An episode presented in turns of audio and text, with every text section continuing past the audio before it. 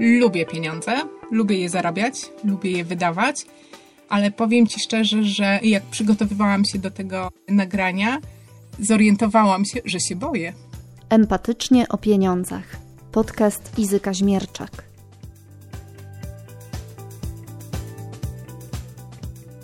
Cześć, witamy Was w podcaście Empatycznie o pieniądzach. Ja nazywam się Katarzyna Błaszczyk. A ja jestem Izaka Śmierczak. Dziś mamy ciekawy temat o tym, jak oceny naszych bliskich na nas wpływają, jakie mają dla nas znaczenie, kiedy robimy wycenę w naszym biznesie. I oni na przykład mówią: Nie, ta wycena jest zła.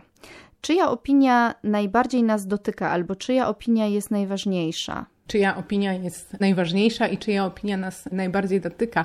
To są rzeczy, które mogą być y, powiązane i fajnie jest samemu dla siebie mieć odpowiedź na to pytanie.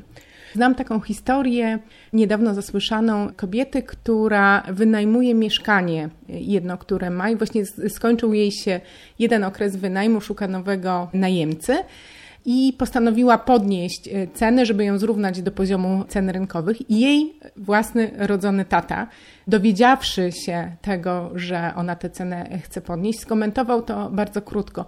Czy ty musisz być taka chciwa? Czy ty nie wiesz, ile jest ludzi, którzy nie mogą sobie pozwolić na dobre mieszkanie, którzy chętnie by w tym twoim mieszkaniu zamieszkali? I to była dla niej strasznie duża kwestia. Taka odpowiedź, bo z racjonalnego punktu widzenia, decyzja o tym, żeby cenę podnieść, była jak najbardziej uzasadniona. Ona czuła, że to mieszkanie jest świetnie położone, świetnie wyposażone i bez problemów po cenach rynkowych może wynająć.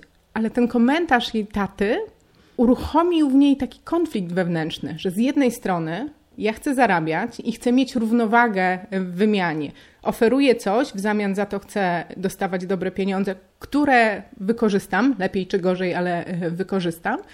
A z drugiej strony ważna jest dla mnie opinia tego taty, bo ja nie chcę być chciwa i chcę mieć uważność na innych ludzi. I to, o czym ten mój tata mówi, to żeby pamiętać o tym, że są ludzie, którzy nie mogą sobie na wszystko pozwolić, też jest dla mnie ważne.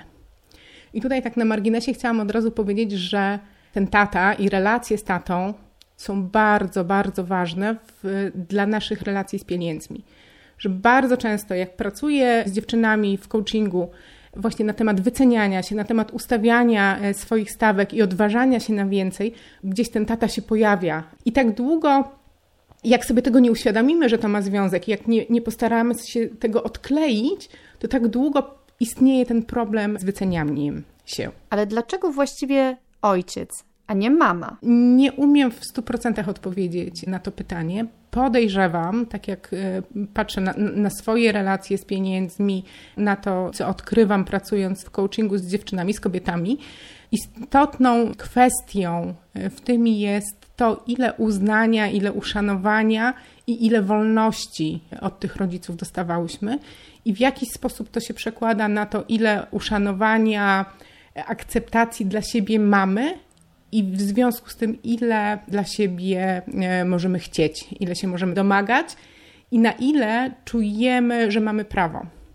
Bardzo często takie jakieś powikłane, niewyczyszczone relacje sprawiają, że same siebie umniejszamy i nie pozwalamy sobie na tyle, na ile byśmy mogły.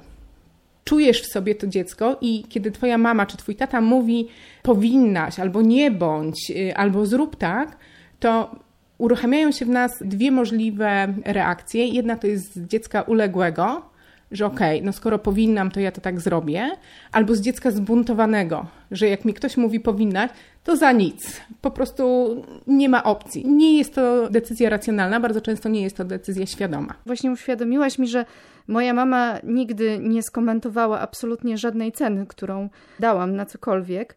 Nawet z nią chyba o tym nie rozmawiam. W ogóle nie, nie, nie, nie czuję tutaj, że powinnam. Dlaczego nasi rodzice w ogóle dają sobie prawo do czegoś takiego, żeby mówić dorosłej osobie, jaką ma dać cenę we własnym biznesie?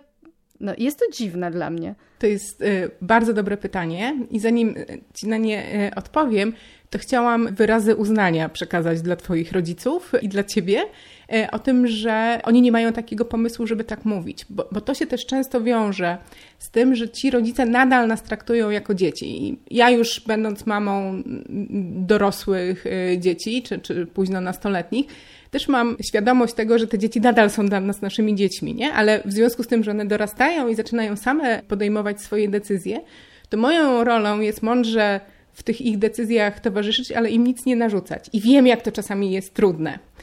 I bardzo wielu rodziców zapomina czy nie zauważa tego momentu, kiedy dzieci stają się niezależne i cały czas czują imperatyw opieki i, i troski nad tymi dziećmi. I wyobrażam sobie, że w tej sytuacji, której opowiadałam na początku, to taki tata, widząc, że jego córka wynajmuje mieszkanie i określa kwestię finansową, z całkiem dobrej roli, z całkiem dobrej motywacji czy intencji, chce jej pomóc, chce ją wesprzeć i przypomnieć jej o tym, czy pokazać, co jest ważne, co ona może zrobić, żeby być dobrym człowiekiem. Nie? To jest pewnie moja interpretacja tej sytuacji, ale zakładam, że, że tak by mogło być. I problem jest taki, że z jednej strony dorośli ludzie są dorośli, ale z drugiej strony cały czas są dziećmi dla swoich rodziców i to się wiąże z tym konfliktem. Bardzo wiele osób ma strategię taką, że o pieniądzach z rodzicami nie rozmawia.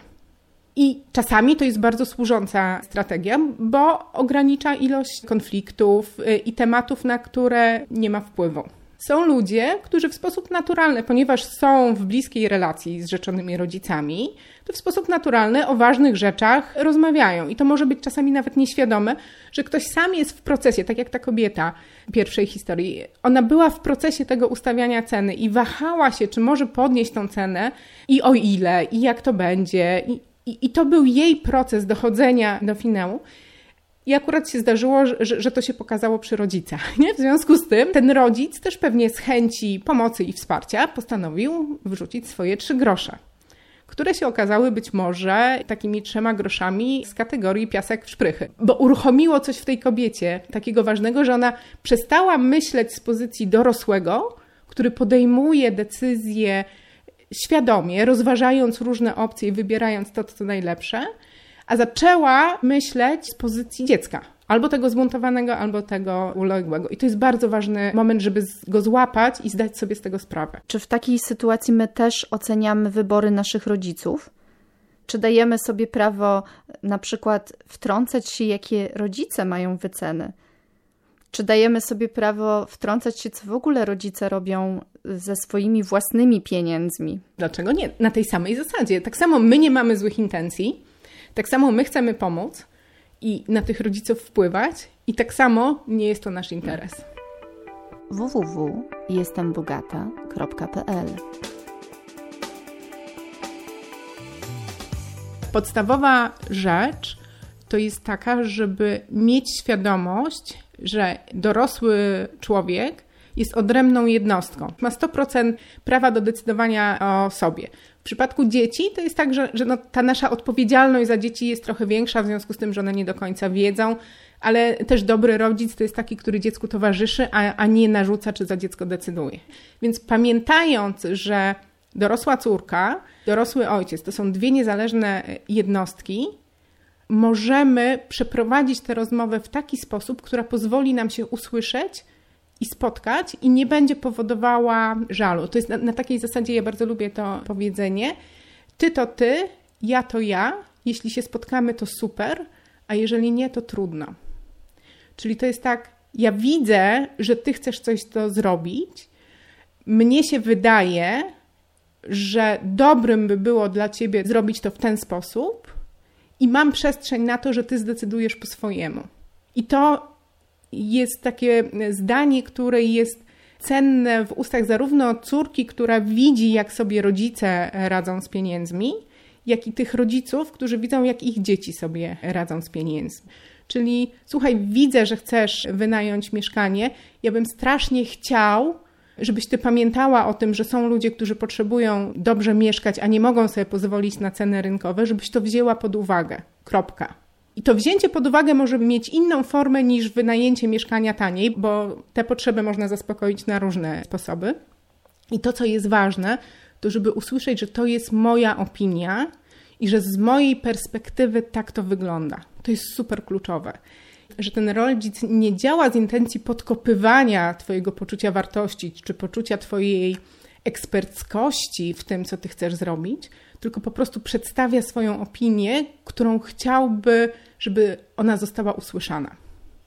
Jak ci to brzmi, Kasia, powiedz? Bardzo fajnie, ale myślę, że to jest bardzo trudne w praktyce, a też gdzieś tam wydaje mi się, że problem finansów i rodziców dorosłych dzieci polega na tym, że każda ze stron się boi, że jeżeli rodzice źle zainwestują, no to ja za to będę musiała kiedyś zapłacić i na przykład spłacić kredyt. Albo jeżeli dzieci źle zainwestują, no to jako rodzic będę musiała ratować, czyli na przykład spłacić kredyt. Długi są dziedziczone, to prawda, ale też prawdą jest, że można ten spadek odrzucić, można z niego zrezygnować. Więc to nie jest dokładnie tak, że jeżeli ci rodzice wezmą kredyt, to my już jesteśmy skazani na spłacanie. A po drugie, to, to znowu jest tak, że to rodzice podejmują te decyzje i to, co my możemy zrobić, to zgłosić nasze zastrzeżenia i naszą wątpliwość. Słuchajcie, a jak wy widzicie, z czego wy chcecie spłacić ten kredyt i co w związku z tym będzie. Ja pamiętam, kiedyś widziałam, jak, jak takie starsze małżeństwo w sklepie ze sprzętem elektronicznym podawało swoją sytuację materialną, żeby wziąć jakiś telewizor czy coś tam na raty i po prostu nie musieli odpowiadać na te pytania, ale sprzedawca nie do końca im powiedział, że mają prawo zachować te informacje dla siebie. Oni dokładnie powiedzieli, w jakim mieszkaniu mieszkają, ile pokoju, e, gdzie jest położony, samochód, dochody i zgodzili się na udostępnienie swoich danych marketingowych. I to jest po prostu otwarcie drzwi do tego, żeby przychodzili kolejni sprzedawcy i proponowali im kolejne rzeczy na raty. I jako córka wyobrażam sobie, że to jest potwornie trudne, nie? Że, że masz poczucie, że ci starsi ludzie, którzy mogą nie być przygotowani do tego, żeby w sposób asertywny postawić swoją granicę, powiedzieć: OK, ja tego nie chcę, ja nie potrzebuję, nie są przygotowani na radzenie sobie z różnymi marketingowymi technikami, są po prostu bardziej podatni na manipulacje i bardziej skłonni w związku z tym te swoje środki alokować. Ale myślę, że droga do tego to jest rozmawianie z nimi i tłumaczenie im o co chodzi, nie pokazywanie swoich obaw i pokazywanie swoich rozterek z tego właśnie miejsca ja to ja, ty to ty. Jeśli się spotkamy, to super, a jeśli nie, to trudno. A jak jako dzieci mamy sobie radzić z takim komunikatem? Nie dam ci tych pieniędzy, bo wiem, że je rozpuścisz. Ale mówisz jako dzieci dzieci, czy jako dzieci dorosłe? Mówię tutaj o sytuacji, że na przykład rodzice są bogaci, i oczywiście mogą odmówić dotowania jakkolwiek swoich dzieci i dajemy im tutaj do tego prawo, ale robią to w postaci takiego komunikatu nacechowanego negatywnie. Nie pomogę ci z kredytem na, na dom, na mieszkanie, bo tak naprawdę ty sobie nie poradzisz. Ty rozpuścisz te pieniądze, rozpuścisz mój majątek. Wyobrażam sobie, że to jest sytuacja, w której to dziecko zbuntowane po prostu dorywa się do sterów i zaczyna nami rządzić. Nie wyobrażam sobie, jak to jest trudna sytuacja i jak łatwo jest usłyszeć ten komunikat z takiego miejsca, jesteś niewystarczająca. I to jest taki obszar, z którym myślę w pierwszej kolejności musimy sobie poradzić i przyjąć, że to nie jest prawda, nie? I że to nie o tym jest ten komunikat. My jesteśmy wystarczające. Ale to, co słyszymy, rezonuje w nas czymś, co mamy może nie do końca zaopiekowany, nie do końca wyczyszczony jakiś element naszej percepcji siebie. I to jest coś, czemu warto zobaczyć, warto usłyszeć i, i, czym warto się zająć. Znaczy, w tym komunikacie istotą nie jest to, że to jest komunikat o nas, tylko że to jest komunikat o jakichś obawach i o zastrzeżeniach tej drugiej strony. Czyli tak naprawdę nie dam ci tych pieniędzy, bo je rozpuścisz. Powinniśmy usłyszeć, nie dam ci tych pieniędzy, bo się boję, bo nie mam pewności, bo chciałbym czegoś dobrego. Ja wiem, że łatwo mi mówić to z tego miejsca, że w momencie, jak się słyszy taki komunikat, to to jest tak trudne, żeby to przyjąć, że nas to odłącza od takiego wątku. Ale tak naprawdę to jest komunikat, który mówi o czymś, co jest ważne dla tej osoby, która go wygłasza. I jak sobie myślę, zupełnie na spokojnie i zupełnie nie w tej sytuacji i nie z tą osobą, która we mnie tę strunę porusza, to taką dobrą reakcją i docelową reakcją byłoby wejście w buty dorosłego i popatrzenie, okej, okay, słyszę, że się niepokoisz, jak ja te pieniądze wydam. Co by było dla ciebie takim dowodem czy pokazaniem, że to nieprawda, że ja się sprawdzę i że dam radę? Ktoś wtedy może odpowiedzieć, no bo ja bym chciał, żebyś ty te pieniądze przeznaczyła stricte na spłatę kredytu, a nie na kupowanie sobie butów, bo widzę, że masz ich dużo.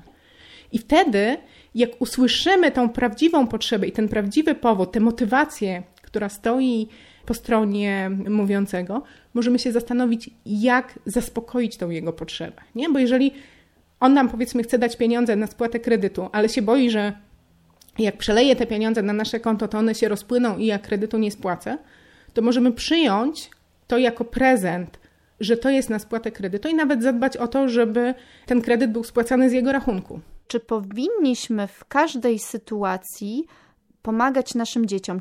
Tego nie wiem jeszcze z własnego doświadczenia, bo moje dzieci y, na razie wchodzą w świat dorosłości, ale tak jak sobie myślę, czy powinniśmy pomagać naszym dzieciom, to pierwsza taka rzecz, która się we mnie budzi, to tak, oczywiście powinniśmy pomagać naszym dzieciom, ale, i tu, tu jest ważny wątek, powinniśmy pomagać naszym dzieciom mądrze. I myślę, że takie automatyczne otwieranie rachunku, żeby wykaraskać ich y, z kłopotów, nie zawsze, czasami może być, ale nie zawsze musi być mądrym pomaganiem. Bo czasami te nasze dzieci też potrzebują skonfrontowania się z konsekwencjami swoich działań. I czasami taką pomocą może być powiedzieć: OK, wpakowałaś się w kredyty, ja, ja ci w tej chwili nie jestem w stanie pomóc. I bycie z tym dzieckiem w tym kłopocie, w tym, e, że nie jest. Szczególnie jeżeli to jest dziecko dorosłe. Czasami najlepszą pomocą jest wstrzymanie tych płatności, bo to stwarza szansę ku temu, żeby ten człowiek zaczął myśleć o sobie jako niezależnej jednostce i się zastanowić, ok, to tutaj automatyczne źródełko się zamyka, to skąd, jak ja inaczej mogę sobie w tej sytuacji poradzić? I czasami to jest najlepsza pomoc, chociaż nie najłatwiejsza. I to myślę i z jednej, i, i, i z drugiej strony. Podsumowując ten bardzo trudny temat, bo ja myślę, że w ogóle relacje pieniądze, rodzice, dzieci to jest taki trudny temat i myślę, że chciałabym jeszcze kiedyś do niego wrócić, szczególnie dorosłe dzieci. Bo tym małym, wiadomo, no my sponsorujemy ich życie w ogóle, sponsorujemy ich świat i zgadzamy się na to, kiedy dzieci się rodzą, ale myślę, że właśnie te relacje komplikują się w momencie, kiedy dzieci od nas odchodzą. Dziękuję Ci bardzo, Izo, za dzisiejsze spotkanie. I zapraszam na stronę jestembogata.pl. Do usłyszenia w kolejnym odcinku. Podcast zrealizowany został przez Torbę Reportera i Podcastera.